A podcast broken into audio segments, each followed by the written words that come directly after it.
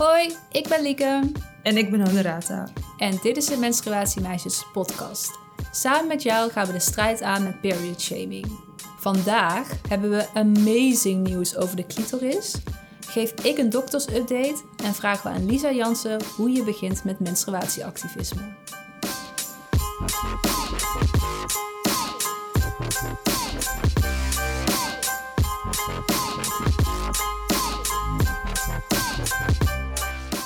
Jij zegt altijd, ik heb een hele leuke echt of nep gevonden. Maar ik heb er ook een hele leuke gevonden nu. Oké. Ehm, er is in de hele wereld maar één pop uh, waarmee meisjes kunnen leren wat menstruatie is. Een pop. En die pop wordt gebruikt tijdens biologieles. Nee, het is wel speelgoed. Dus gewoon voor thuis. Net zoals dat je Oh, toch van die. Barbies, Barbies hebt die dan realistischer zijn en zo. Ja. Oh. eh, nou, ik ken deze pop niet. Ik heb hem niet gehad. Er is maar één pop. Ah, ik vind deze echt of nepvraag altijd zo mindfuck. Want dan zit ik echt zo te denken van... Heeft ze er dan... Is het gewoon helemaal niet waar of echt waar? Of eh, heb jij het dan zo veranderd dat het er twee zijn? Snap je? De- dus vanuit verschillende dimensies. Nou ja. Ja, dus eigenlijk is de vraag hoeveel poppen zijn er en is er een pop? Ja, precies. Ja. Eh, ik denk dat er een pop is. En ik denk dat het er dan ook maar één is. Dus ik zeg echt. Goed zo. Yay! Je hebt het goed. 4-2. Ehm, Eh, nee, 4-3. 4-3. ja, Ja. ging ik zeggen, maar je had hem wel door. Ehm, er is een pop, de Lemely Doll. En wat je daarbij krijgt is een ed- educatief pamflet. Oké. één paar ondergoed. 15 herbruikbare gekleurde inlegkruisjes. En stickers. En een kalender met ook stickers in de vorm van stipjes. En dan kan je dus soort van oefenen met je pop. Ja. Maar normaal zou je denken, oké, een pop is voor de doelgroep eh, tot eh acht jaar. Nou, ik zeg maar even wat. Maar ik bedoel, als je net gaat menstrueren, dan speel je toch niet meer met een pop. Dus dan vind ik het wel wat Maar wil jij, wil jij, instrument. wil jij het pas met eh, mensen met een baarmoeder erover hebben als ze gaan menstrueren? Zou je dan pas aan een, een kind uitleggen wat menstruatie is? Eh, nee, dus als ik er nu over nadenk, is het inderdaad wel goed. Het zorgt er juist voor dat kinderen eerder... Oké, oké, ja, ik, ik heb hem, ik heb hem. Ja, want jij hebt zo, nee, Ehm. kinderen van 12 spelen niet met poppen. Nou, dat, dat is... Nou ja, oké. Leuk feitje, laten we erover ophouden. Ja. Ehm, en... Nee, ik heb toch nog een vraag. Want dit is eh, in Nederland of waar bestaat deze pop? in Amerika. Oké. Oké, good to know. Ik wil het echt Ik, bijna eh, het- kopen. Ik wil eigenlijk echt zo'n kast met allemaal van die menstruatiedingen. Ik vind dat echt best wel cool. Ja, ik, ik, ik heb het niet zo op poppen, maar ik... ik eh, Ik heb het ook niet op Eh. poppen, Lieke, maar ik heb het gewoon heel erg op menstruatie. Ik word echt zo'n vrouw die dan zo'n kasten vol van nu van die menstruatiegoodies dan heeft liggen. Oké, nou dan ga jij een pop kopen en dan ga ik andere dingen doen. Is goed. Maar ik vond het een, eh, ik vond het een leuk feitje. Dat Goed. eh, moet, ik, moet ik je nog even nageven. Bedankt. 4-3. 4-3. Eh, we gaan naar het menstruatiemoment. Dat is deze keer ingestuurd door Delilah. En daar gaan we nu naar luisteren. Dit is mijn menstruatiemoment dat ik met jullie wil delen. Ik zat op de basisschool en ik weet niet meer of het groep 7 of groep 8 was. Maar ehm, ik weet nog dat ik in de klas zat en dat ehm, de docenten tegen alle jongens zijn dat zij mochten gaan. En dat alle meiden even moesten blijven. Dat was op het einde van de dag. En dat eh, zij toen ons de talk gaf over maandverband. En als we dat nodig mochten hebben, dat, zij, eh, dat wij gebruik konden maken van het docententoilet. Het was wel ehm, afgesloten met een sleutel. En dat we dan naar haar toe konden gaan voor de sleutel en dat we daar dan gebruik van mochten maken. En dat vond ik wel echt heel, heel, ehm, heel leuk eigenlijk. Ik had er zelf eigenlijk helemaal nooit bij nagedacht dat het iets was wat andere eh, meiden misschien niet mee hebben gemaakt. Maar ehm, ik had het er laatst over met een vriendin. En die gaf toen aan dat dat bij haar op de basisschool dus niet het geval was. En dat vond ik wel vreemd, want dat zou eigenlijk iets ehm, moeten zijn. Vooral op de basisschool, waar je gewoon bij je docent voor kan aankloppen. En dat gevoel gaf zij ons ook heel erg. Dat we gewoon bij haar daarvoor terecht konden. Dus dat kon ik wel heel erg waarderen. En vooral nu dat ik erop terugkijk. Ehm, ik vraag me, ik begrijp iets niet. Want waarom, wat konden ze dan doen in, dat, in die wc van de docenten? Wat was Eh, daar? Als maandverband. Dus daar lag maandverband. Ja, dus eh die Lale kreeg van haar docent gewoon informatie over het feit dat dat aanwezig was. Dus mochten ze het nodig hebben, dus bijvoorbeeld Ja. als we voor de eerste keer zouden gaan menstrueren op de basisschool, dan was dat er. Oké, nou wel heel Ehm, lief. Ja, heel lief. En ik zat ook meteen terug te denken aan mijn groep 8 eh, experience. Nu had ik een man als eh, docent. En nou, ik, ik snap dat dat misschien er invloed op heeft gehad. Ook al vind ik dat dat niet zou moeten. Maar eh, hij heeft het nooit over menstruatie gehad. En ik werd dan ook niet voor het eerst... of ging ook niet voor de eerste keer menstrueren in groep 8. Maar als ik me nu inbeeld dat ik dat dus in groep 8 voor de eerste keer zou gaan doen, dan zou dat best wel een heftig moment kunnen zijn. Eh, en als er dan helemaal niemand is die daar op deze manier mee om kan gaan, nou, gewoon echt niet nice. Dus ik vind dat heel goed van die docent. Ja. Ehm, ja, geeft je echt het gevoel alsof je, ja, dan sta je er gewoon niet alleen. ik zou het ook wel fijn vinden als je naar huis mag daarna. En niet per se van, oh, ga naar huis, want, want eh, dat moet of zo. Maar dat het kan. Want ik kan me voorstellen Ja. dat je gewoon... eh, ja, dan kan je even schoon ondergoed aantrekken. Of misschien heb je ook wel krampen, ik weet het niet. Dus dat lijkt... Als ik zeg maar perfect mag, mag eh, inrichten, dan zou ik zeggen... Leg die Ja. maandverbanden ook gewoon in de wc van de leerlingen. Als ik het gewoon even een perfect scenario mag eh, schetsen. Ja. super mooi dat die docent zeg maar die toegang en het bespreekbaar maakte. In een ideale wereld, maar ik weet nog niet of we daar zijn, wil je eigenlijk misschien de jongens en de meisjes in één lokaal houden. Klaslokaal, Eh, ja. ja. Oké, tegelijk heb ik ook een herinnering dat ik eh, dat de leraar vroeg van wie is er, wie menstrueert er al? En dan moesten mensen hun hand opsteken. Ehm, ja, ik weet niet wat ik daarvan vind. Maar ik weet ook dat vooral rondom schoolreisjes, want in groep 7 en 8 ging je zo op kamp. Dan kan ik me echt herinneren dat de, dat de begeleiding zei van... oh, en als je voor het eerst omgesteld wordt, dan eh, moet je maar naar ons toe komen. Ja. En dat kan ik me dus herinneren, dat dat schoolkamp... want dat, dat heb ik dus ook aan eh, mijn jongere zus gevraagd... van hebben ze het er wel eens met je over gehad op de basisschool? Dat schoolkamp kwam dan ook terug. Zo van blijkbaar als je dan een paar dagen gaat... dan gaan we het er wel even over hebben... want dan is het wel echt onhandig als je dan voor het eerst Ja. gaat menstrueren. Oh, dat kan ik me helemaal niet herinneren. Volgens mij werd dat bij ons echt totaal niet besproken. Maar het, het gaat natuurlijk ook helemaal niet eh, alleen om de eerste keer dat je gaat menstrueren, maar ook gewoon als je al ongesteld bent in groep 8 eh, en dat vaker eh, gaat zijn.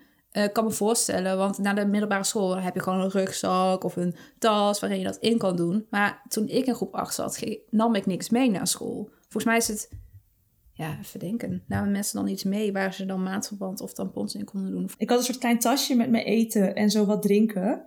Ehm, maar ik had Oh, altijd ja. stroopwafel, kanjer stroopwafels had ik mee. En die zaten met z'n tweeën in zo'n soort blauw-witte verpakking. En dan vroeg zo'n jongen uit mijn klas altijd, oh, heb je weer maandverband mee? En dat vond ik dus heel awkward, dat die stroopwafels... En het was een grap, want hij wist ook wel dat het stroopwafels waren. Maar blijkbaar toen had ik dus ook al door dat het niet de bedoeling was dat je maandverband Hmm. nodig had. Dus de period shaming began. Kik er gelijk in. Ja. ja. Oké, maar heel goed dat deze docent al deed. En mochten er andere docenten, ik zeg hele tijd docent, maar volgens mij is dat meer iets van de middelbare school. Mochten er andere juffrouwen, meesters, whatever luisteren, dan eh, is het misschien ehm, inspiratie voor Ja. hen. Dus dankjewel, Delilah. Ehm Honorata, ik wil nog heel graag iets vertellen. Ik zit op het puntje van mijn stoel. Naar aanleiding van de vorige aflevering, waarin ik uit de doeken heb gedaan dat ik dus eh, wel eens last heb van extreme menstruatiepijn, maar dat ik nog nooit naar de dokter ben geweest. En dat ik vijf keer Nou. zeg dat je moest gaan. Ja, update. Ik ben naar de dokter gegaan. Ben je echt geweest? Ik heb naar de... Nee, sorry, correctie. Ik heb naar de dokter gebeld. Ja. Ehm, ik zal even vertellen hoe dat ging. Ik moest eerst met de doktersassistent overleggen. Dus ik mijn verhaal doen. En omdat ze het heel, heel lang over pijnstilling hadden, dus hoeveel ik dan precies nam, uh, vroeg ze gelijk of ik uh, sterke pijnstilling wilde hebben of de pil. Omdat dat dan menstruatiepijn zou kunnen verlichten. Oh, maar. Oké. maar ga verder. Oké, ja, bewaar je comments maar voor het einde, want het wordt nog uh, erger. Of nou, erger. Oké, anyway. Uh, maar toen zei ik dus dat ik een afspraak met de dokter wilde om dit verder te bespreken, want ik wilde vooral antwoord op de vraag, en nu komt het, of mijn pijn normaal was. Uh, dus ik kreeg een telefonische afspraak later op die dag. Toen de dokter mij belde, deed ik eerst weer mijn verhaal. Ik vertelde het echt enorm gedetailleerd, ik weet niet waarom. Anyway, toen draaide het dus weer heel snel uit op pijnstilling of de pil. En toen introduceerde ik ook bij haar de vraag: is dit normaal? Ja, want de uh, arts was een vrouw. Ja. Oké. Allereerst zei ze daarop iets wat ik zelf nog niet had gevonden uh, in mijn onderzoek voor de vorige aflevering. Namelijk dat vanaf uh, de eerste keer dat je gaat menstrueren tot ongeveer je 25ste heb je het meest last van menstruatiepijn. En daarna wordt dat iets stabieler en heb je er minder last van. Maar toen vroeg ik welke pijn dan niet normaal is. En wat voor pijn, wat voor soort pijn dus aanleiding is om te onderzoeken of je bijvoorbeeld endometriose hebt. Dus let op, ik heb zelf het begrip endometriose uh, geïntroduceerd. Toen zei ze dat de meeste mensen er vaak pas achterkomen dat ze endometriose hebben als het niet lukt om zwanger te worden. En wederom dat de pil endometriose klachten kan verlichten. Nou, dat is natuurlijk geen antwoord op mijn vraag. Uh, en stel ik heb endometriose, wil ik daar natuurlijk ook niet pas achter komen als ik uh, een eventuele kinderwens ga proberen te verwezenlijken. Dus vroeg ik weer hoe erg mijn pijn dan moet zijn om te onderzoeken. ja, echt facepalm. Ja, sorry, ik, ik zit zeg maar echt helemaal... Ik laat je uitpraten, maar gewoon ik val van de ene shock in de andere. Maar ga ja. vooral verder. Nou, ik vroeg dus weer hoe erg mijn pijn moet zijn... om dan te, uh, om dan te gaan onderzoeken of je endometriose hebt. Of iets anders natuurlijk, hè, want je hebt meerdere dingen... Uh, dat mm-hmm. zulke pijn kan veroorzaken. En nou ja, ik moet, om maar even te verdedigen... ik begrijp haar pijnstilling en pilverhaal overigens wel... want de Nederlandse gezondheidszorg is gewoon niet heel preventief. En zij is ook maar onderdeel van dat systeem. Ik wilde ook een keer preventief ging, uh, gaan bloed prikken. Nou, dat ging gewoon bijna niet. Is uiteindelijk wel gelukt. Maar ik was dus ook heel verrast toen ze voorstelde dat ik een doorverwijzing naar de gynaecoloog kon krijgen. Zodat ik daar vrijblijvend um, ja, meer informatie kon krijgen en uh, kon afwegen of uh, verder onderzoek nodig is in mijn geval. Dus ik heb een doorverwijzing. Maar dat duurde wel eventjes voordat ik die kreeg. En die moest je eigenlijk ook zelf omvragen? Um, Bijna. Soort, ja.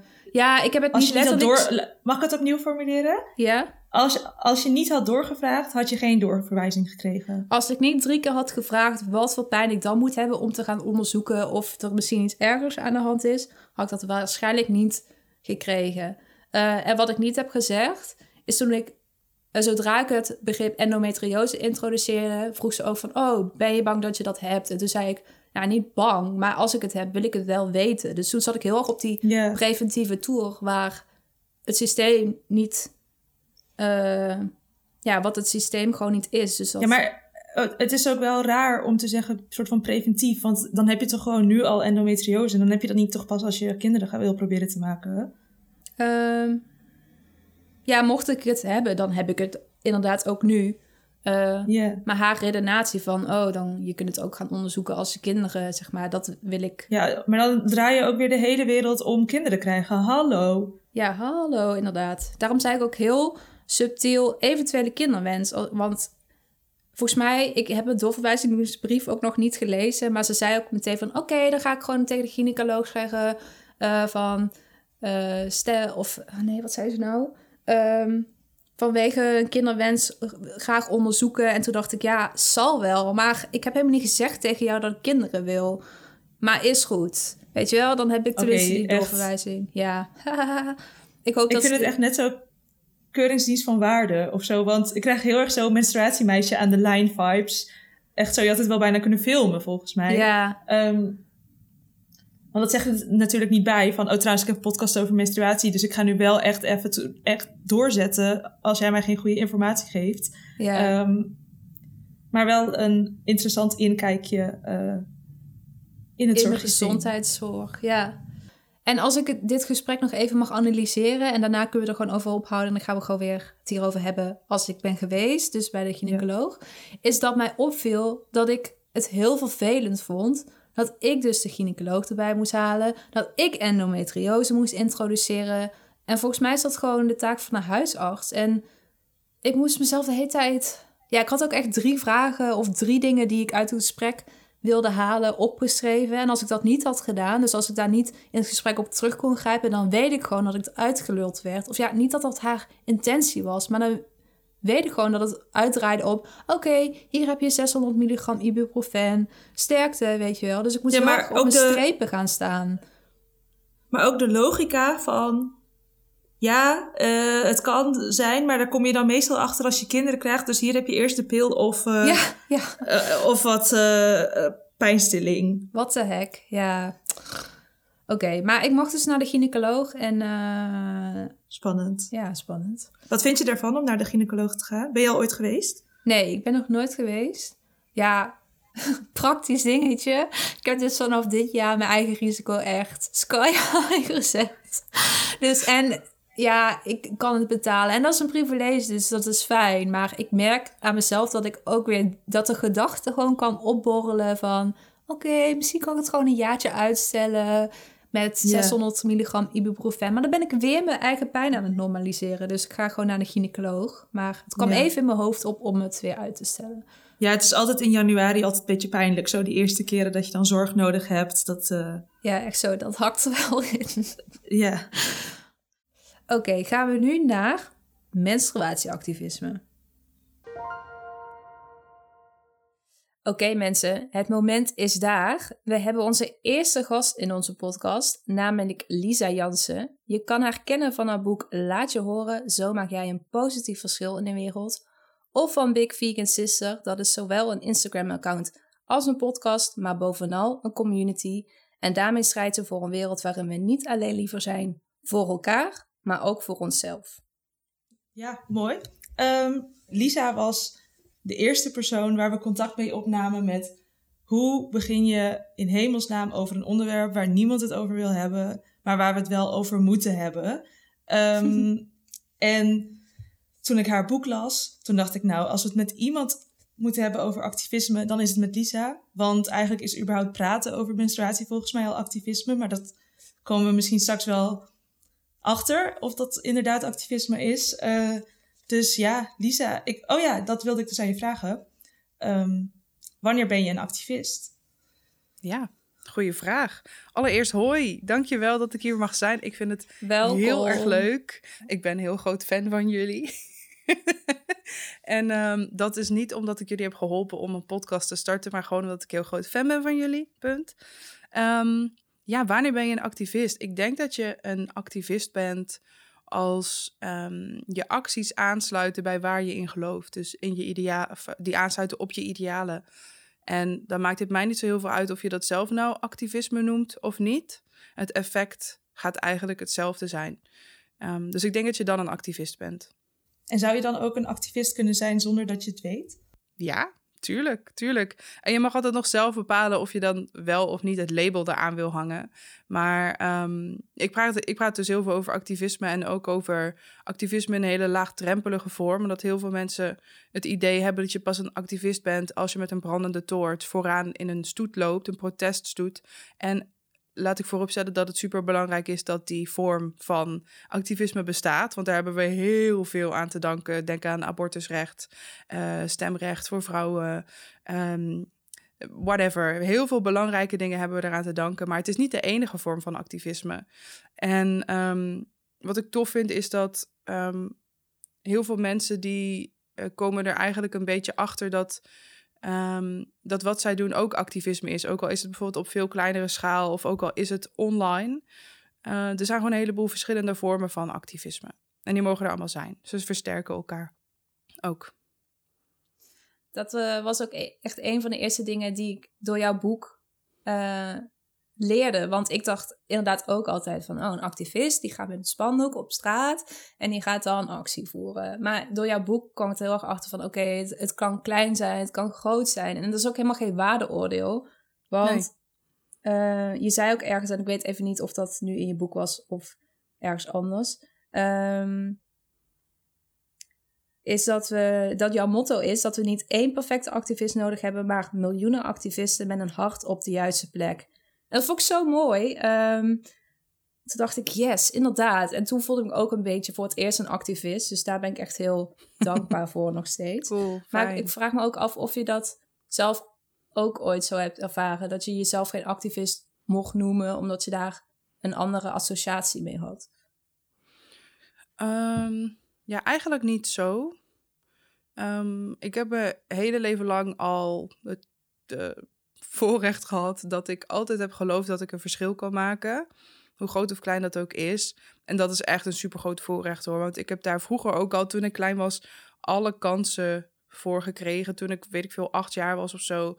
Toen ging ik zelf cakejes bakken en die langs de deuren in de buurt verkopen om geld op te halen voor het plaatselijke dierenasiel. Nou, dat mijn ouders mij dat niet te doen, denk ik nu van. Ik was echt acht of zo, maar toen voelde ik me heel volwassen. Ehm, dus door de jaren heen heb ik daar ook alle steun in gekregen. En ik ben ook opgegroeid in zo'n eh, milieu waarin het ook gewoon was van... eh, Wat je wil, dat kan je ook gaan bereiken. En nu ben ik daar wel een beetje op teruggekomen hoor. Daar heb ik het ook uitgebreid over in mijn boek. Maar dat even terzijde. Ehm, nee, ik heb dat nooit echt gehad. Maar dat komt ook omdat ehm, ik niet zo veel waarde hecht aan wat de wereld bestempelt als een activist. En ik ben ook niet de poortwachter van het activistenschap. Het is ook niet dat ik nou bepaal van, oh ja, als je dit en dit doet, dan ben je activist. Er zijn mensen die nog veel meer doen dan ik, die hier veel meer van afweten. Ehm, maar ik heb, ik heb dat gevoel gewoon eigenlijk nooit gehad. Ik ben ook al mijn hele leven lang totaal ongevoelig voor groepsdruk. Ik ben ook niet gevoelig voor of mensen zeggen van ja, maar ik vind dat geen activisme of zo. Ja, dan denk ik, ja, dan vind je dat toch niet. Ik weet toch wat ik doe. Ja. Oh, wat goed. Ja. En eh, je zei net dat je dat ook vanuit huis had meegekregen, vanuit van je Mhm. ouders. Is het dan dus nu dat je dat soort van doorgeeft aan weer andere mensen?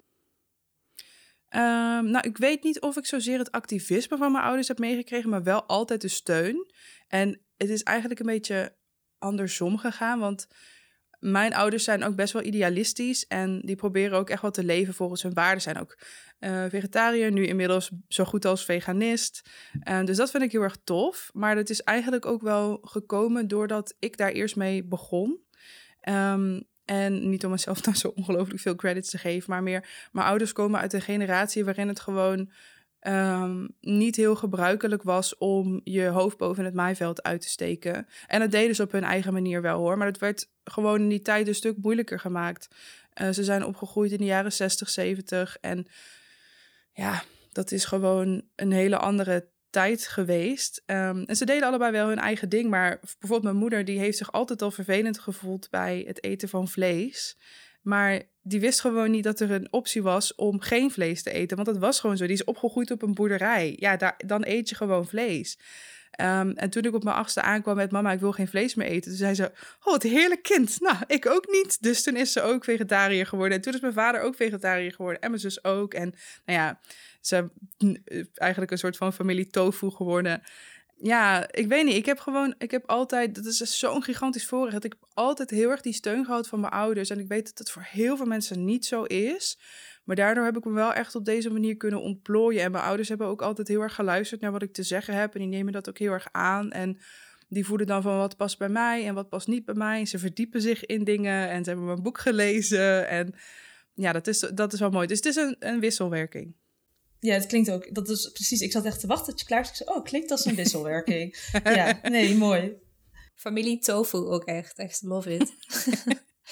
Ehm, Lisa, hoe kan eh, activisme rondom menstruatie eruit zien? Ehm, heb jij daar ideeën over? Want hoe begin je nu aan een, je eerste, stel je eerste activistische daad? Wat zou Ja. een eerste stap kunnen zijn? Ja. Ehm, nou ja, de allereerste stap is misschien eens nadenken over wat doe ik eigenlijk al. Zoals wat jullie bijvoorbeeld doen, dan is dat wel een groot ding, een podcast beginnen. Maar dat is ook activisme. Jullie laten van je horen in een podcast, online. Nou ja, binnenkort ook in een boek. Super vet. Ehm, Maar denk eens na over wat doe ik eigenlijk al. En dat kan ook al zijn van dat je je druk maakt over bepaalde dingen, maar dat je je vinger er nog niet helemaal op kan leggen. En dan is dat misschien dan nog geen activisme, maar het kan wel een aanzet zijn naar activisme. Ehm, want activisme begint eigenlijk altijd met de frustratie. Je voelt je ergens gefrustreerd over en je wil dat het anders is. En je denkt, nou, dan moet ik maar helpen om dat anders te maken, want ik wil niet meer toekijken aan de zijlijn. Ehm, en dat kan zijn dat je je bijvoorbeeld druk maakt over menstruatiearmoede. Over dat heel veel mensen die menstrueren gewoon geen toegang hebben tot uh, menstruatieproducten. Um, of um, dat je je druk maakt over uh, terminologie rondom menstruatie. Omdat uh, bijvoorbeeld niet alleen cisgender vrouwen menstrueren. Cisgender betekent dat je je fijn voelt bij het geslacht. Dat, is, uh, dat je is toebedeeld bij de geboorte. Ik ben bijvoorbeeld een cisgender vrouw. In mijn paspoort stond meteen al, of paspoort, geboortebewijs, zo vroeg ging ik nog niet op reis. Het stond met vrouw en daar voel ik me fijn bij. Maar er zijn natuurlijk ook mensen die ofwel non-binair zijn of trans zijn of allebei en die ook gewoon menstrueren. Dus misschien denk je van nou, het frustreert me hoe er altijd over enkel vrouwen wordt gesproken, als in cisgender vrouwen. Uh, dus misschien dat je daar frustratie over voelt. Of misschien voel je wel frustratie omdat er wordt gedaan alsof menstruatiepijn de normaalste zaak van de wereld is. En heel veel mensen daardoor met heel veel pijn rondlopen en altijd maar denken dat dat normaal is, wat het dus niet hoeft te zijn. Um, of misschien maak je je wel druk omdat mensen seksistische opmerkingen maken. Omdat ze, als je gefrustreerd bent, dat ze zeggen: oh, ben je ongesteld of zo. Nou, weet je, er is altijd een frustratie die je ergens over voelt. Of je denkt: Nou, hier wil ik iets mee. En dan vervolgens kun je gaan denken aan hoe ziet dat er eigenlijk uit. En bij mij is de eerste stap dan altijd dat ik me ergens in ga verdiepen. En dat kan zijn door boeken te lezen, het kan zijn door YouTube-filmpjes te kijken, door artikelen te lezen. Ik vind zelf de site One World altijd heel erg fijn voor artikelen. Je hebt op YouTube echt ongelooflijk veel uh, goede. Uh, video's waarin mensen van alles uitleggen. Nou ja, je hebt van boeken, die kan je kopen, kan je downloaden, I don't care. Um, nee, liever niet illegaal. Um, dus betaalauteurs. Um, je kan hem huren bij de Wiep. I, I don't care. ga je erin verdiepen en, en, en zoek dan naar dat punt waar je nodig bent. En er is altijd een soort overlap tussen waar jij goed in bent, wat je graag doet en wat de wereld nodig heeft. Ergens zit een overlap. Dus misschien ben jij heel goed vocaal. Ga de straat op. Laat je horen. Maak dat kenbaar. Ga organiseren. Maar misschien ben jij wel veel beter achter de schermen. En eh, wil je liever dingen online doen? Of misschien wil je achter de schermen dingen organiseren. Wil je producten inzamelen? Wil je. Nou, het kan van alles zijn. Het kan ook al zo um, ogenschijnlijk klein zijn als in gesprek gaan met de mensen om je heen. Wat vaak een hele grote daad is. Yeah. Uh, en ook heel moeilijk kan zijn. Um, in de vorige aflevering hadden we ook een menstruatiemoment van iemand die aan haar buurvrouw aangaf menstruatiepijn te hebben. In plaats van te zeggen, oh, ik ben ziek. En dat is dus inderdaad echt zoiets wat je nu zegt, toch? Ja, absoluut. Absoluut. Gewoon überhaupt het bespreekbaar maken. En wordt ook vaak onderschat hoe groot dat eigenlijk is. Want je stelt je echt super kwetsbaar op in een omgeving waarin het vaak niet zo gebruikelijk is om daarover te praten. Ik bedoel, als het gebruikelijk was, bestond deze podcast ook niet. Um, dat zijn vaak echt een van de moedigste momenten dat je het in je omgeving echt bespreekbaar maakt. Het is ma makkelijker om dat in je online bubbel te doen, waarin iedereen, yeah, vulva, yeah, menstruatie.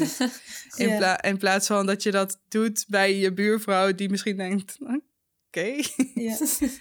En um, heb je ook tips voor stel je begint, maar wat als je over wat als je heel veel onderwerpen belangrijk vindt? Bijvoorbeeld, mm -hmm. je hebt heel veel ismes in je boek. Echt validisme, klassisme, veganisme, uh, racisme. Wordt dat soms ook dan te veel? En als het te veel wordt, mm -hmm. wat, wat doe je dan? Ja, tuurlijk. Um, ik denk dat de meeste mensen ook iets willen doen, omdat het ze heel erg aangrijpt. En dat zijn dan vaak ook hele empathische personen. Um, je gaat niet iets doen als je er geen fuck om geeft. Maar dat neemt ook het risico met zich mee dat, um, dat je dingen je heel erg aan kan trekken. En dat het een beetje te veel wordt. Ik had zelf, toen ik me hier steeds meer in ging verdiepen. Ik denk dat ik een jaar of 14, nee, 16 was. Toen ik me meer en meer in feminisme ging verdiepen. En ik kwam het wa- was echt zo'n soort van onrechtsvortex waar ik in werd gezogen. Het was echt zo, oh, dit is er ook nog, en dit is er ook nog, en dit is er ook nog, en dit gebeurt er ook nog. En dan kom je echt in zo'n fase terecht dat je echt denkt van, de wereld is gewoon verrot. En wat heeft het allemaal Ja. voor zin? Tenminste, dat is het gevaar. Ehm, maar daarom moedig ik mensen altijd heel erg aan om eh, in de directe omgeving of, op, of andersom op wat kleinere schaal dingen te doen. Want als je ergens resultaat van ziet, dan is het veel, dan raak je veel meer gemotiveerd. En andersom, ehm, we moeten ook oké zijn met het feit dat we niet zelf alles kunnen oplossen. En dat is super moeilijk. En dat is ook iets waar ik heel vaak nog mee worstel. Ehm, maar daarom is het ook belangrijk, en dat, ehm, dat klinkt misschien heel tegenstrijdig, maar hear me out, om een beetje selectief te zijn in je activisme. En daarmee bedoel ik niet selectief in waar je je hart voor openstelt. Want ik weet niet hoe het met jullie zit, maar mijn hart is groot genoeg om om alle dingen van de wereld heel veel te geven. Alleen mijn, mijn ehm, mentale capaciteit, mijn emotionele batterij en mijn fysieke ca- capaciteit is niet groot genoeg om eigenhandig alle problemen van de wereld op te kunnen lossen. Dat kan ook niet in je eentje. Dat moet je ook niet willen. Nee. Ehm, en daarom is het echt oké, en dan moet je er ook oké mee zijn, om selectief te zijn in waar je je voor in gaat zetten. Want als jij probeert om jouw energie en jouw inzet te verdelen over alle vormen van onrecht die de wereld rijk is, dan staat dat eigenlijk gelijk aan niks meer doen. Want dan kun je je nergens echt voor inzetten. Dan is het overal een soort van sterk verwaterde versie van wat je eigenlijk zou kunnen bieden. En daarom is het ook zo belangrijk dat we die miljoenen imperfecte activisten hebben.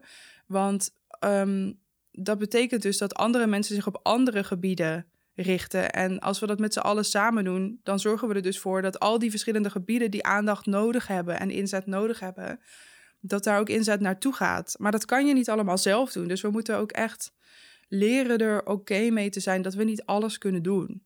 En dat is Ja. echt ongelooflijk moeilijk. Ik heb een podcastaflevering opgenomen ehm, voor mijn eigen podcast, Big Vegan Sister, de podcast, met eh Malou Genevase. Zij is psychotherapeut.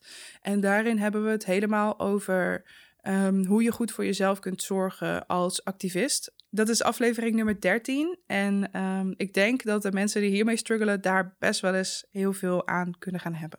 Ik heb die ook, ja, ik heb die ook geluisterd. Ik, Oh, yes. ik echt zo, oh, hoe je voor jezelf moet zorgen? Ja, dat wil ik wel weten. Want eh, toen we begonnen met menstruatiemeisjes kregen we natuurlijk direct heel veel. Oh, en dit is er gaande. En hier is een stichting. En dit is een probleem. Ja. En ik zo, ja, klopt. Eh, en nu?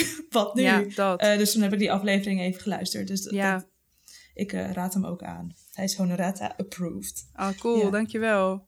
Ja, want dat is ook nog zo'n ding. Als je eenmaal zegt tegen, of als je eenmaal aan de wereld kenbaar maakt dat je je ergens druk om maakt, dan gaat die wereld van alles op jou gooien. Want dan ben jij ineens, ehm, ja, hoe moet ik het zeggen, de persoon geworden waarmee mensen bij dat soort dingen terecht kunnen. Of waarvan ze dan zeggen van, oh, eh, dit kwam ik weer tegen, stuur maar even door, stuur door, stuur Ja. door, stuur door. En dan krijg je ineens allemaal nieuwsartikelen en hier moet je wat mee en daar moet je wat mee en zus moet je wat mee en zo moet je wat mee. Ehm, ik heb bijvoorbeeld, ik maak me heel erg druk om dingen als fatshaming. Ik ben zelf dik. Ehm, ik ben daar oké mee, omdat ik vind dat dikke mensen helemaal ook gewoon oké zijn. We zijn ook maar gewoon mensen. Maar wat dan het vervelende is, is dat mensen die denken dan... oh ja, Lisa maakt zich druk om fatshaming. Dus als ik ergens een voorbeeld van fatshaming tegenkom... dan ga ik haar erin taggen of ehm, ik ga dat naar haar doorsturen. Want dan kan zij er iets mee of whatever. Of ik moest aan haar denken. Alleen, ehm, dat hoeft zeg maar niet. Want ik weet als dik persoon al hoe kut de wereld is. Mag ik trouwens schelden in jullie podcast? Ja, van mij wel hoor. Oké, Van mij ook. misschien moet ik dan niet het woord kut gebruiken. Nee, Maar, vind ik oké. ehm, Ja, oké. hoe, hoe, hoe kut de wereld is tegenover dikke mensen. Ik weet al dat mensen vinden dat dikke mensen lui en onhygiënisch en dom zijn. Ehm, dus ik hoef daar niet nog tien keer op te worden gewezen doordat jij mij gaat taggen in een of ander bericht waarin dikke mensen weer helemaal kapot worden gemaakt. Dus het is ook wel ehm, belangrijk om daar grenzen in te stellen. Ik ben zelf best wel duidelijk in grenzen aangeven. Ik moet dat ook wel. Ik heb nu toevallig vandaag de 5000 volgers aangetikt. En hoewel dat in Instagram, ja, leuk hè? Uh, hoewel dat in Instagram land helemaal niet zoveel is, Yay. krijg ik wel gewoon super. Ik krijg heel veel DM's en ik word heel vaak getagd en dat ben ik super dankbaar voor. Maar daardoor moet je ook wel duidelijk zijn in, tegenover mensen van wat wel en wat niet wenselijk is daarin. Want je bent ook maar gewoon een mens. En het is natuurlijk mooi dat mensen. Ik kan me voorstellen dat mensen jullie ook zien als de menstruatiemensen. En dat is ook mooi. En ik stuur natuurlijk ook dingen naar jullie door. Maar ik denk dat het voor iedereen die zich activistisch gaat inzetten ook belangrijk is om daarin bepaalde grenzen aan te geven. En dat is dan online misschien nog een stuk makkelijker dan offline. En dan helemaal als het bijvoorbeeld om je eigen familie of je vrienden gaat. Maar weet dat je daarin gewoon aan mag geven dat je bepaalde dingen wel of niet fijn vindt om te ontvangen. Ja. Als ik ook iets van jou geleerd heb, Lisa, uh, is het denk ik dat goed voor jezelf zorgen ook al een vorm van uh, activisme is. En in je boek schrijf je, ik wil het, wil het heel graag voorlezen, want dat is zo mooi opgeschreven. Mag dat? ja, ik ga niet je hele boek voorlezen. Oké. Ik zweef ondertussen een klein beetje omhoog van mijn stoel. uh, je schrijft, zelfzorg is essentieel. Alleen het moeilijke hierbij zit hem al in het woord zelfzorg. Deze vorm van zorgen moet je zelf doen. In een wereld die jou vaak genoeg vertelt dat je lui bent wanneer je rust neemt en egoïstisch bent wanneer je naar jezelf luistert, is dat een rebelse, activistische daad en een hoognodige bovendien. Nou, ik zal ook maar meteen even toegeven dat ik er dus niet zo heel goed in ben. Want met menstruatiemeisjes gaan we echt soms heel hard en dan is er niet echt tijd om uit te rusten. En dan, ja. tenminste, dat maken we onszelf dan wijs als ik voor mezelf moet spreken, oh, dan gaat dan moet je het maar even zeggen.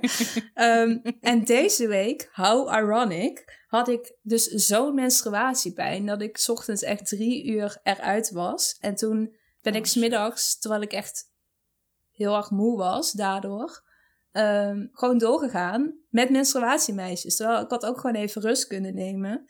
Um, ik heb wel gevraagd. Ik heb wel gevraagd van yo, nee, klopt, ja, klopt dit dat je doorgaat nu? Want we zijn menstruatiemeisjes, dus ik trek mijn handen ervan af. Ja. Het ligt helemaal aan mezelf, dat klopt. Um, oh, ik wil hier meteen zoveel op zeggen. nou, mijn vraag is dan ook, want zowel vanuit menstruatiemeisjes als activisten is dit dan natuurlijk niet echt de bedoeling. En je hebt net de podcastaflevering getipt, maar kun je alvast een tipje van de sluier geven hoe je nou ja, gewoon goed voor jezelf zorgt als activist? Ja, nou ja, ik denk dat we voorop, um, dat we vooraf gewoon ook duidelijk moeten stellen dat dat gewoon ongelooflijk moeilijk is. We leven in een wereld die ons de hele tijd vertelt dat we door, door, door, door, door moeten.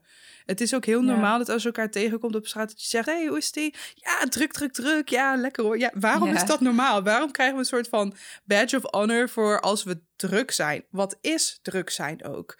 Ik was ook heel slecht in voor mezelf zorgen en toen werd ik niet ziek. En toen moest ik wel goed voor mezelf gaan zorgen. Dus bij mij is het ook voortgekomen uit een bepaalde noodzaak. En later kwam daar een bepaalde rebellie bij kijken. Want ik was altijd heel erg gewend om ehm, echt een unlimited supply aan energie te hebben. Ik stond ochtends op en ik was klaar voor.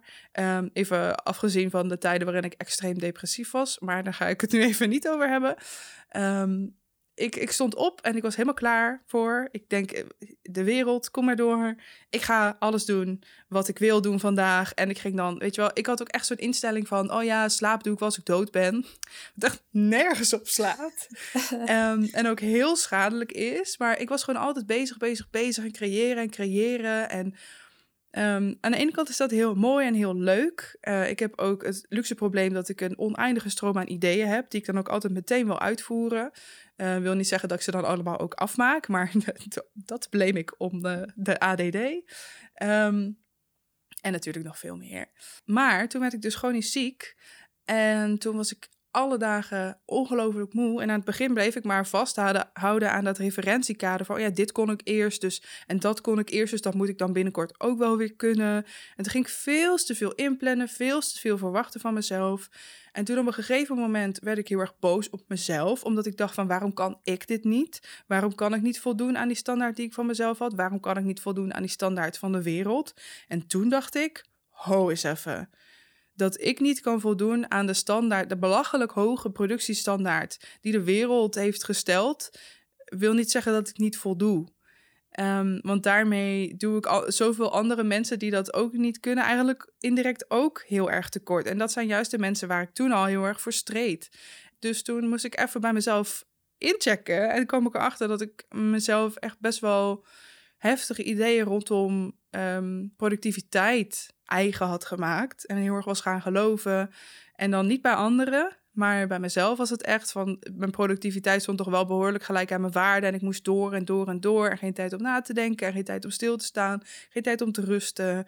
Iedere minuut die je niet iets doet was verspeeld. En dan voelde ik me schuldig als ik ging liggen. Maar nu kon ik niet anders dan letterlijk mijn, de helft van de dag liggen. Omdat ik gewoon alle dagen moe en, en ziekig was. En dat is een heel lang en moeilijk proces geweest. Maar uiteindelijk ehm, heb ik wel echt heel goed geleerd om voor mezelf te zorgen, omdat ik anders gewoon letterlijk geen kwaliteit van leven heb. Dus ik moest wel. En uit die noodzaak is eigenlijk iets heel moois voortgekomen. En ik ben niet zo iemand die zegt van ja, oh, ik ben zo dankbaar dat me dit overkomen is, want uh, mooie levensinzichten, bla bla bla. Nee. Um, en ik struggle ook heel hard nog steeds met het zogenaamde geïnternaliseerde validisme. En dat zijn de schadelijke ideeën over mensen met een mentale of fysieke beperking die we onszelf eigen hebben gemaakt. Dus bijvoorbeeld dat je tegen jezelf zegt van als je niet zo, um, als je niet 40 uur per week kan werken, ik zeg maar wat, of niet eens uh, eh, 16 uur per week kan werken, I don't care, geen waardeoordeel hierin. Maar dat je dan niet voldoet en dat je dan slecht bent en dat je lui bent als je gaat liggen en daar struggle ik nog steeds behoorlijk hard mee. Ook omdat het, die ideeën er gewoon zo diep in zitten. Mag ik daar maar, wat op reageren? Ja, zeker. Ik denk als er één... Uh, als er één ding is wat ik van jouw boek heb geleerd... en dat had ik echt niet verwacht dat ik dat eruit zou halen... ik kwam erachter dat ik niet 100% able ben. En nu voel ik mezelf nog niet op mijn gemak met disabled... of dat, daar ben ik nog zoekende. Maar ja, want ik heb... Uh, PMDD. En dat komt bij mij neer op terugkerende depressie en somberheid, waardoor ik minstens zeven dagen per maand niet normaal van kan functioneren. En eigenlijk was, was ik daarna ook heel verdrietig, want ik moest echt afscheid nemen van het idee dat, ik, dat ik dat kon. Maar daarna kwam wel ehm, de visie dat ik heb die tijd die ik heb, die wil ik gewoon goed gebruiken. En dat betekent niet keihard doorgaan altijd, maar gewoon gebruiken voor iets wat er voor mij toe doet. Ehm, ja, dat is echt het aller... Dat had ik zo niet verwacht dat, dat, dat ik dat uit jouw boek zou leren. Ik dacht dat ik wel wist hoe het was om een label te krijgen en om iets te hebben. Um, ja. Ja, maar dat, dat, ja, dank je wel nog. Ja, oh, dank je wel. Dank je wel dat je dat deelt. En het is ook ongelooflijk herkenbaar, want ik claim zelf het label disabled ook pas iets meer dan een jaar. Voor de mensen die niet weten wat dat is. Disabled is een, uh, een ander woord voor uh, iemand met een beperking. Um, maar in het woord dis disabled of disability zit een beetje verwerkt dat um, ik heb de visie dat um, mijn lichaam eigenlijk geen beperking heeft, maar dat de maatschappij mij beperkt. Omdat die bepaalde verwachtingen heeft en omdat die niet toegankelijk is voor mij. dus ik zie het probleem meer bij de maatschappij liggen. Die maatschappij die disabled mij. Maar ook het claimen van dat label is een supergroot voorrecht. Want niet iedereen kan of wil dat claimen. En dat hoeft ook helemaal niet. Ehm, maar ik vind het wel belangrijk om te weten dat als mensen, ehm, nou ja, zich minder voelen dan anderen, omdat ze bijvoorbeeld minder energie hebben, of dat er minder uit hun handen komt, of omdat ze eh, fucking depressief zijn, of omdat ze een lichamelijke beperking hebben, dat er dus, there's a whole world out there met mensen zoals jij, en we mogen er gewoon zijn. Um, en er is ook heel veel supermooie nou ja, theorie of initiatieven, boeken, whatever, waar je je nog in kan verdiepen. Um, misschien kunnen we daar een aantal tips voor achterlaten in de show notes voor mensen die nu luisteren en denken: wow, ja, ik ben eigenlijk ook zo iemand. Um, en er is een hele mooie disability community ook in Nederland. Bijvoorbeeld Feminists Against Ableism. Het is een hele mooie groep met heel veel diverse mensen die dus allemaal disabled zijn. Of ze nou iets lichamelijks hebben of iets mentaals of een combinatie daarvan. Um, en ik ben daar heel warm ontvangen. Maar ook, wat ik ook nog heel even op terug wilde komen. Uh, wat jij ook net zei, Honorate, dat je er ook verdrietig van werd. Dat je niet alles meer kon waarvan je dacht dat je het nog wel zou kunnen. Dat is zo'n rouwproces. Dat is echt, eh, echt heftig. Ik heb dat zelf ook heel erg meegemaakt, want je houdt... Het is een beetje als een ehm, slechte relatie die heel mooi begint... en dat je maar vast blijft houden aan wat je ooit had... en wat Ja. ooit wel was... en dat je er heel erg in gelooft dat het dan ooit ook weer zo gaat worden... Zo was mijn relatie tot mijn eigen lichaam en mijn energiehuishouding zo heel erg lang. En ehm die ideeën loslaten waar- waarvan je dacht dat je dat ooit weer zou kunnen, of waarvan je dacht dat je dat ooit misschien zou kunnen, wat je eerder nog niet kon, is, ehm, is heel heftig. En daar mag je ook echt bij stilstaan. Ja. En die gevoelens mogen er zijn. En ik vind het dan ook mooi om als antwoord toch... Je merkt dat de menselijke, mijn menselijke binnenkant wil dit dan mooi afronden. Of Ja. positief afronden. Eh, ga ik misschien gewoon toch niet doen. Het is, Nee. ja, het is gewoon wat het is. Ja, ik snap, dat, ik snap dat echt helemaal. En ik heb die neiging ook heel vaak. Ik heb ook heel erg de neiging om dingen te bagatelliseren, omdat ik wil dat een ander zich niet ongemakkelijk voelt. Maar dat is ook waar heel veel ehm, gesprekken of, of überhaupt negatieven rondom het hebben van een beperking of disabled zijn op neerkomen, is dat we de non-disabled mensen niet ehm, ongemakkelijk willen laten voelen. Kijk naar die programma's op tv, zoals Je zal het maar hebben. Er staat letterlijk in de omschrijving. Ehm, deze inspirerende, krachtige mensen die ondanks hun, dat geef ik er dan even als extra invulling aan, maar inspirerend staat er zeker in, die ondanks hun beperking zich niet laten tegenhouden. Wat nou als mijn beperking mij wel definieert? Dat mag gewoon, het bestaat. Maar alle verschillende verhalen die worden verteld zijn heel erg bedoeld voor mensen die, die zelf die ervaring niet hebben. Terwijl ehm, iedereen wordt ooit een keer, als je maar oud genoeg wordt, word je vanzelf een keer disabled. En dat vinden mensen heel moeilijk om te geloven. Want vooral mensen die ehm, eigenlijk hun hele leven heel erg relatief gezond zijn en die heel veel vertrouwen hebben in het medische systeem. Want ze gaan naar de dokter en met een pijntje en ze krijgen een medicijn Ja. en dan gaat het weer over op een gegeven moment kan je gewoon in een wereld terechtkomen. Dat zie je nu ook bij mensen die bijvoorbeeld na COVID last hebben van vergelijkbare klachten als ik.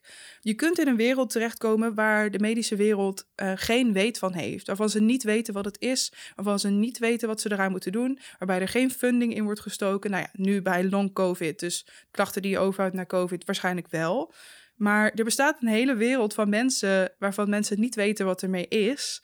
Ehm, of die geen goede medische zorg ontvangen. En dan, als we het dan nog even intersectioneel gaan bekijken, zijn mensen van kleur en disabled mensen van kleur, of disabled mensen dan daarin nog een stukje. Die hebben het dan weer een stukje moeilijker. Maar ehm, dat gaat misschien een beetje te ver voor nu. maar ehm, wat ik daar gewoon over wil zeggen is ook... het hoeft niet altijd op een positieve noot te eindigen. Ben je nou zelf niet disabled... probeer dan ook eens te zitten met dat ongemak. En ben je zelf wel disabled... of je jezelf nou zo wel of niet zo identificeert... boeit mij geen reet. Want het is Ja. ook een privilege om dat te kunnen doen. Maar weet dan dat je niet alles mooier hoeft te maken dan dat het is. Het mag er gewoon zijn. En toch vind ik het dan ook, ik ga het toch lekker nu wel iets positiefs zeggen.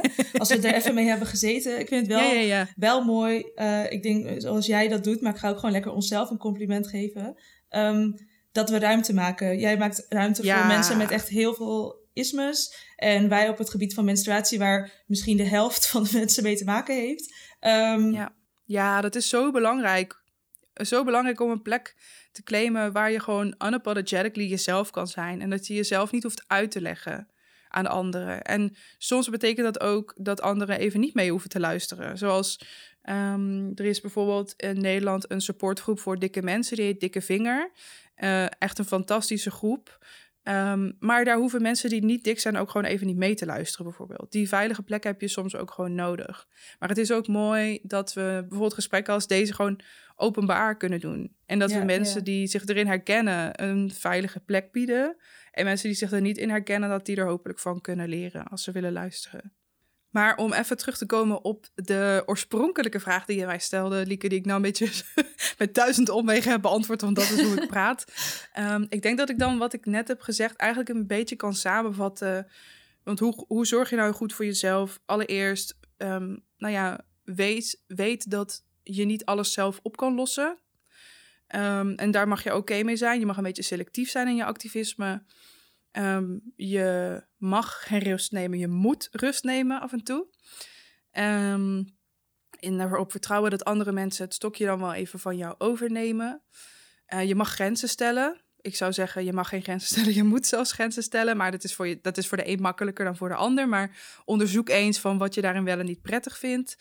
Ehm, oh god, nu heb ik weer, wil ik weer mijn eigen podcast droppen hiervoor. Mag dat? Ja Sorry. hoor, dat mag. Maar ik heb dus ook een podcastaflevering opgenomen over calling in en calling out. En dat heeft daar een beetje mee te maken. Ehm, dat zijn twee gesprekstechnieken om iemand aan te spreken op iets, op problematisch gedrag. Ehm, dus misschien, eh, stel nou, je krijgt veel berichtjes in je inbox met dat mensen je over, bijvoorbeeld mij gaan taggen in fatshaming, jou in iets wat jou heel erg aangaat. Luister die aflevering, want daarin geef ik letterlijk een script hoe je mensen dan aan kan spreken op, nou ja, op, op dat het eigenlijk niet zo oké is wat ze aan het doen zijn. Ehm, en tot slot, weet, eh, verzamel mensen om je heen waar je je fijn bij voelt. Je weet dat je recht hebt op een community van mensen die jou snappen, die jou begrijpen, die van je houden, die om jou geven.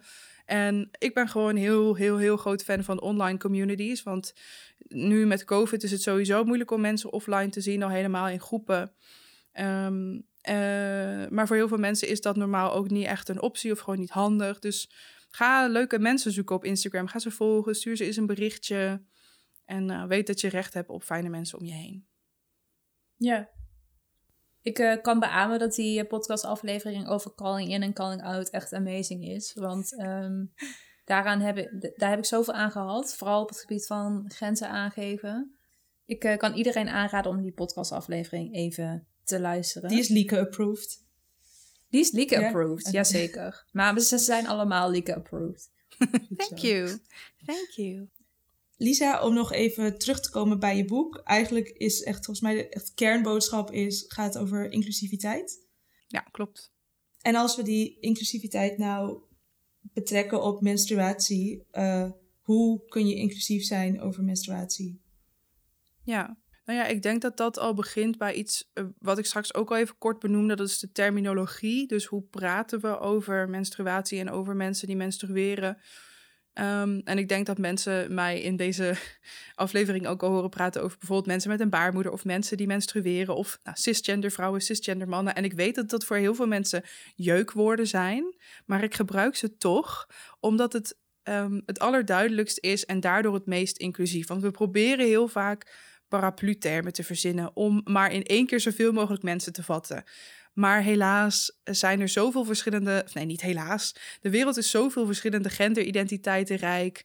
Eh, we hebben mannen, we hebben vrouwen, cisgender mannen, cisgender vrouwen, transvrouwen, transmannen, eh, non-binaire personen, genderqueer personen, noem maar op. Er zijn zoveel verschillende vormen van hoe mensen zich identificeren, ehm, dat we daar niet in één woord over kunnen praten. Um, en ook als we het bijvoorbeeld over menstruatie hebben, worden mensen die uh, geen cisgender vrouwen zijn, daarin heel vaak buitengesloten. Want trans mannen kunnen ook menstrueren. Non-binaire personen kunnen ook menstrueren. Um, en noem maar op welke genderidentiteiten ik nu nog vergeet. Ja. Um, en die mensen worden hierdoor dus wel structureel buitengesloten van het gesprek. En nou ja, ik kan niet voor hen praten, maar wat ik wel heb begrepen van veel van die mensen is dat dat gewoon pijnlijk is, omdat ze vergeten worden. En het bemoeilijkt ook um, gesprekken. Stel je komt bij je huisarts, stel je met een trans man en je komt bij je huisarts, dan moet je dus al eerst eigenlijk uit de kast komen als transgender persoon en dan moet je nog gaan vertellen dat je uh, last hebt van, weet ik veel, menstruatiepijn en dan die arts die snapt dat dan weer niet. Dus het is um, we hebben zoveel meer representatie nodig, maar ook normalisering in hoe we over dingen praten. En als je zo inclusief mogelijk wil zijn, dan houdt dat dus ook in um, die extra mile gaan in je eigen terminologie, om dat vervolgens te normaliseren. Um, om zo gewoon iedereen te benoemen wie je eigenlijk bedoelt. Want je hebt bijvoorbeeld ook het woord vrouw met een x erin, of women met een x erin. Ja, dat wilde ik nog, ja daar wilde ik het nog over hebben. Ja, ja um, en dat is echt super goed bedoeld, laat ik dat voorop stellen. Mensen gebruiken dat woord omdat ze inclusief willen zijn. Alleen eigenlijk door het gebruik van het woord doe je precies het tegenovergestelde. Want daarmee zeg je dus eigenlijk dat bijvoorbeeld transvrouwen geen echte vrouwen zijn. Terwijl dat in 99% van de gevallen totaal het tegenovergestelde is van wat er bedoeld wordt. Wil je, dat, wil je die uitleggen ja. van waarom dat transvrouwen geen echte vrouwen zeker, zijn? Zeker, zeker. Oké, okay, we hebben gewoon het woord vrouw. En daar valt iedereen onder die een vrouw is. Dus dat kan een transvrouw zijn, uh, dat kan een cisgender vrouw zijn. En een transvrouw is dus iemand die geboren is Ehm, en toen ehm, het geslacht man toebedeeld heeft gekregen, maar zich daar niet prettig bij Mhm. voelt, in transitie is gegaan of eh, in ieder geval trans is. Het hoeft niet per se in te houden als iemand trans is, dat iemand ook een lichamelijke transitie wil ondergaan. Eh, maar in dit geval is dat dan wel zo. Diegene heeft, is in transitie gegaan en ehm, eh, is nu vrouw. Of eigenlijk Ja. is eh, haar hele leven al vrouw geweest, maar nu staat ook in haar paspoort vrouw. Dat betekent dat diegene gewoon vrouw is. Daar hoeven we niet een ander woord voor te verzinnen, omdat we dan eigenlijk stiekem zeggen: deze persoon is niet echt helemaal vrouw. Daarom, moeten we, daarom doen we een x'je in dit woord. En mag ik, daar, mag ik daarop doorvragen? Ja, Dat, zeker. eh, want voor ons is dat echt een struggle, omdat je... onze, Oké, ik heb een soort van top van boven naar beneden. Het liefst ge- gebruik ik menstrueerders, mensen met een baarmoeder. Volgens mij zijn dat mijn favorieten. Maar soms is het bijvoorbeeld lastig als je het over cultuur gaat hebben, want dan, dan gaat het alweer over dat je als vrouw zo en zo wordt behandeld. Eh, dus daar wordt het dan weer moeilijker om te zeggen, men, omdat het dan Mhm. over cultuur gaat en niet Ja. zozeer meer over je organen. Eh, dus dan kom ik bij vrouw terecht, maar dan wil ik toch weer mensen niet buitensluiten. Dus dan heb ik toch als soort van backup die X er Ja. maar weer ingeduwd om soort van, of eigenlijk misschien moet je bijna een sterretje, ik, ik weet het niet, iets toevoegen van, ik bedoel hier dit en dit mee. En soms heb je ook een, soms heb je ook een tekort aan ruimte, een beetje mand, Ja, zeg precies. maar. Van, precies. ja, want ik zag ook op Instagram voorbij komen dat dus Damn Honey, die Ja. heeft dus ook een x'je op de kaft. En dat, dat, dat ze weten dat het tekort schiet, maar mand, dat was Ja. zoiets. Ehm, ja, hoe, hoe zie jij dat? Nee, dat snap ik helemaal. En sowieso, we zullen altijd in alles tekortschieten. Ik doe ook niet alles goed. Waarschijnlijk was de uitleg die ik net gaf ook gebrekkig. Want ik ben zelf geen transpersoon. Ik vertel door wat ik van iemand heb gehoord. Maar dat is een beetje als zo'n spel waarbij je in een kring zit... en steeds in iemands oor fluistert... en aan het eind komt er een heel ander verhaal uit. We moeten er sowieso oké mee zijn dat het nooit goed zal zijn. Daar moeten we allereerst al mee beginnen. Dat erkennen. Het zal nooit eh, voldoen. Het zal nooit helemaal goed zijn. Maar we kunnen wel ons best doen. We kunnen wel ons best doen om dan zo inclusief mogelijk te zijn. En wat ik bijvoorbeeld voor in mijn boek heb gedaan, is ik heb vrouwen als in de gebruikelijke spelling gebruikt, maar dan heb ik wel aangegeven. Als ik over eh, vrouwen praat, dan bedoel ik daarmee alle vrouwen. Cisgender vrouwen, transvrouwen. En zo niet, dan geef ik dat aan. Dus zo'n disclaimer kan je daarbij ook geven. En verder, ja, soms is het dan mis- misschien klinkt het allemaal omslachtig omdat je alles letterlijk moet gaan omschrijven, maar zeg letterlijk wat je bedoelt.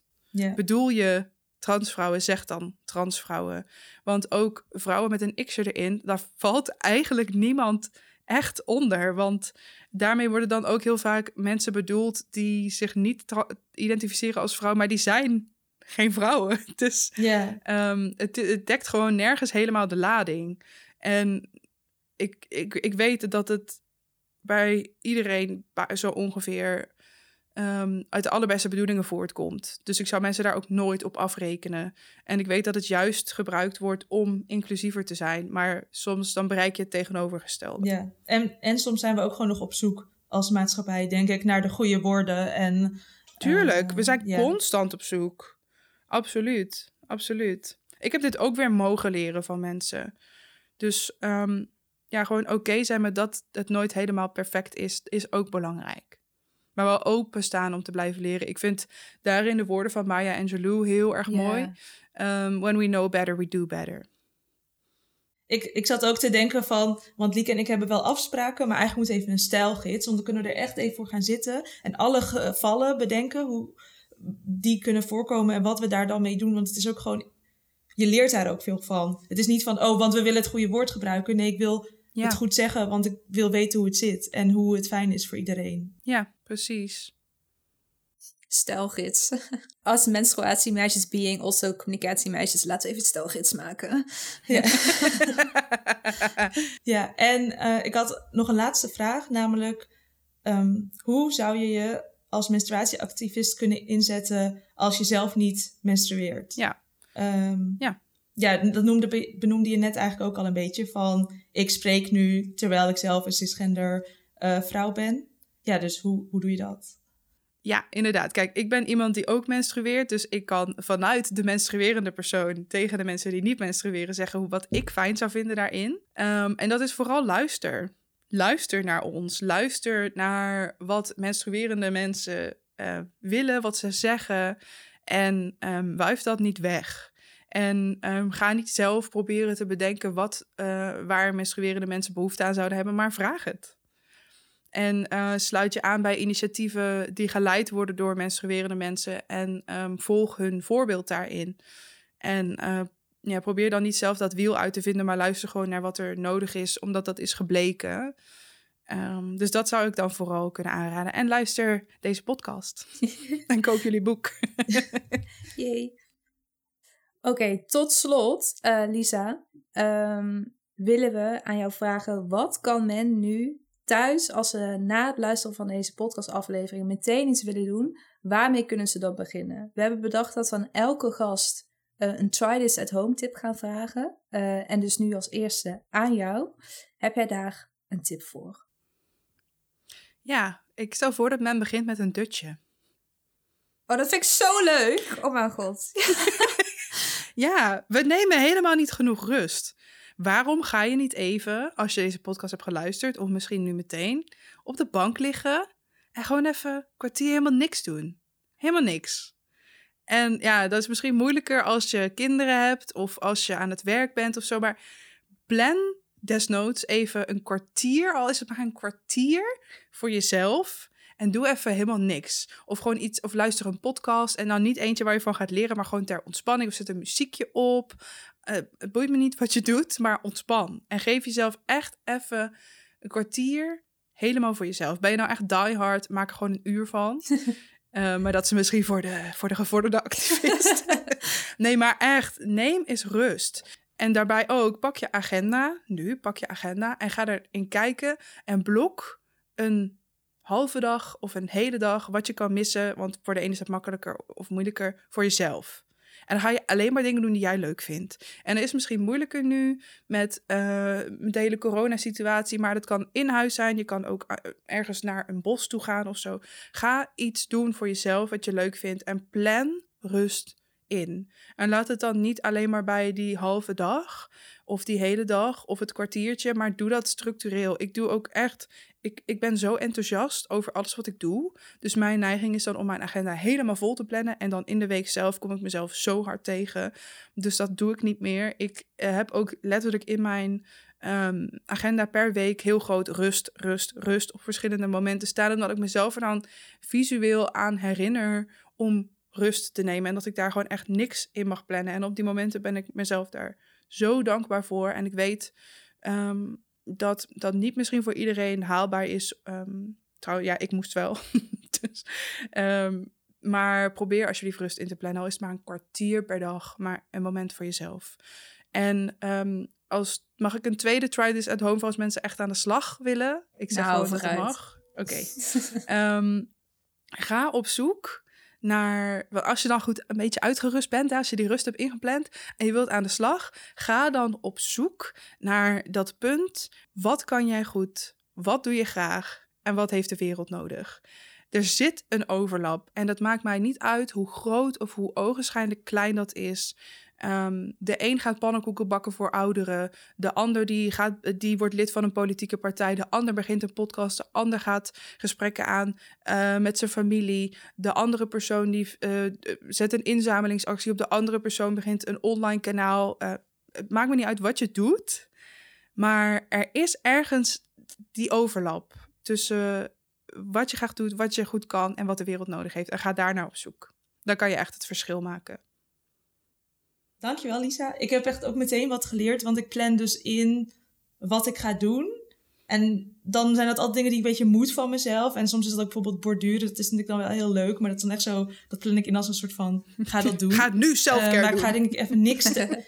ja, maar ik ga denk ik even niks ja. tijd inplannen. Waar ik dan gewoon mag doen waar ja. ik zelf zin Ja, in en misschien is dat op het moment wel dat je dan bedenkt van... Oh, nu heb ik echt zin om te borduren. Maar misschien heb je gewoon zin om op de bank te liggen... hele slechte tv te kijken it me. en dan uh, lekker naar de tv te schreeuwen omdat je heel erg boos wordt van de tv die opstaat, maar dat wel laat staan. Once again, it me. Ja. nou, Lisa, heel erg bedankt voor vandaag. Ik ja. heb weer heel veel, heel veel geleerd. En um, Lika, wil, Lika, Lieke, moet je... Lieke, wil jij nog iets kwijt?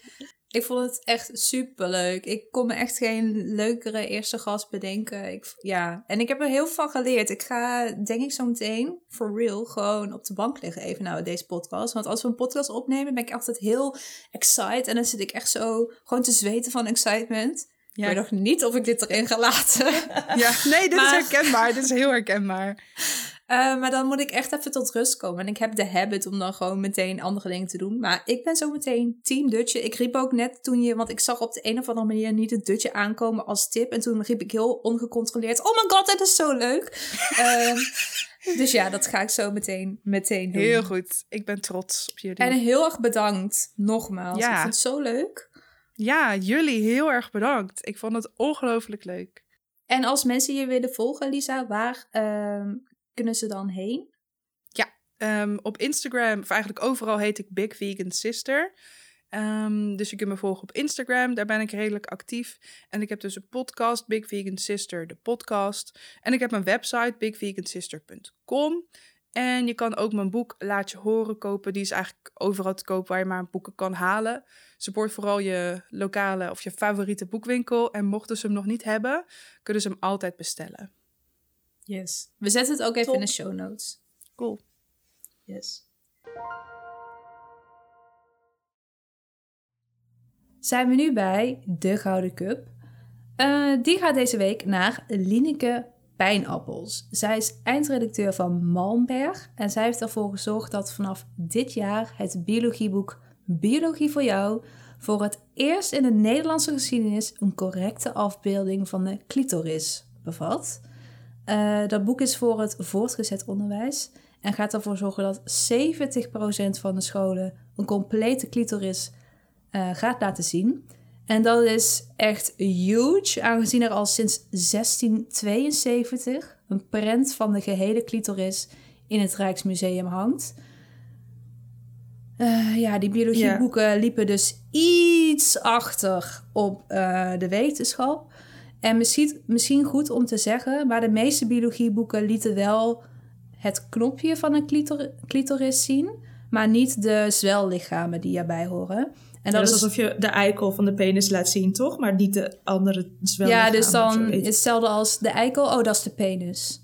Eh, dus Ja. dat is gewoon een beetje vreemd. En eh, Ja. zonde. Ehm, nu ik dit gezegd heb, echt het woordgebruik van sommige zwellichamen. Echt 500% groeien dit jaar. dat zijn gewoon zo'n woorden die zeg je nooit hardop. Anyway, Nee. ja. Goed voor eh, Scrabble. Goed voor Scrabble. Eh, ik wil je nog een compliment geven omdat je dus clitoris zegt en niet clitoris. Want dat, Ja, Maar ik zeg nog steeds clitoris, maar het is clitoris. ja. Ehm, Nou, ik heb het ook vrij recentelijk eh, geleerd. ja, en ik wilde zeggen, ik had een artikel gelezen van, van Lineke. En daarin zei ze was heel bescheiden van... ik denk dat iedereen op mijn positie... eh, want ze had dus in de krant gezien... Ja. eh, dit zou zorgen dat het er nu goed in komt te staan. Maar ja, als we allemaal... Als het allemaal zo makkelijk was, dan stond het er ook wel in. Dus toch bedankt, Lineke. Ja, Lineke hoeft niet zo eh, bescheiden te zijn, vind ik. Eh, dat was de Gouden Cup. En dat was ook deze aflevering. Heel erg bedankt voor het luisteren. Ja, in de volgende aflevering gaan we het hebben over digitale menstruatie. Ben jij vooral heel enthousiast over, toch? Nee, ik ook wel. Ja, maar jij had het verzonnen. Ja, Je kunt ons volgen op Instagram en op Spotify, menstruatiemeisjes. Dan mis je geen enkele aflevering en zie je het ook als, we weer, als ons weer iets opvalt en we daar dingen over te zeggen hebben. Ehm, en je kunt je menstruatiemoment insturen. Dat kan je dan met je telefoon opnemen en naar ons mailen. Doei! doei!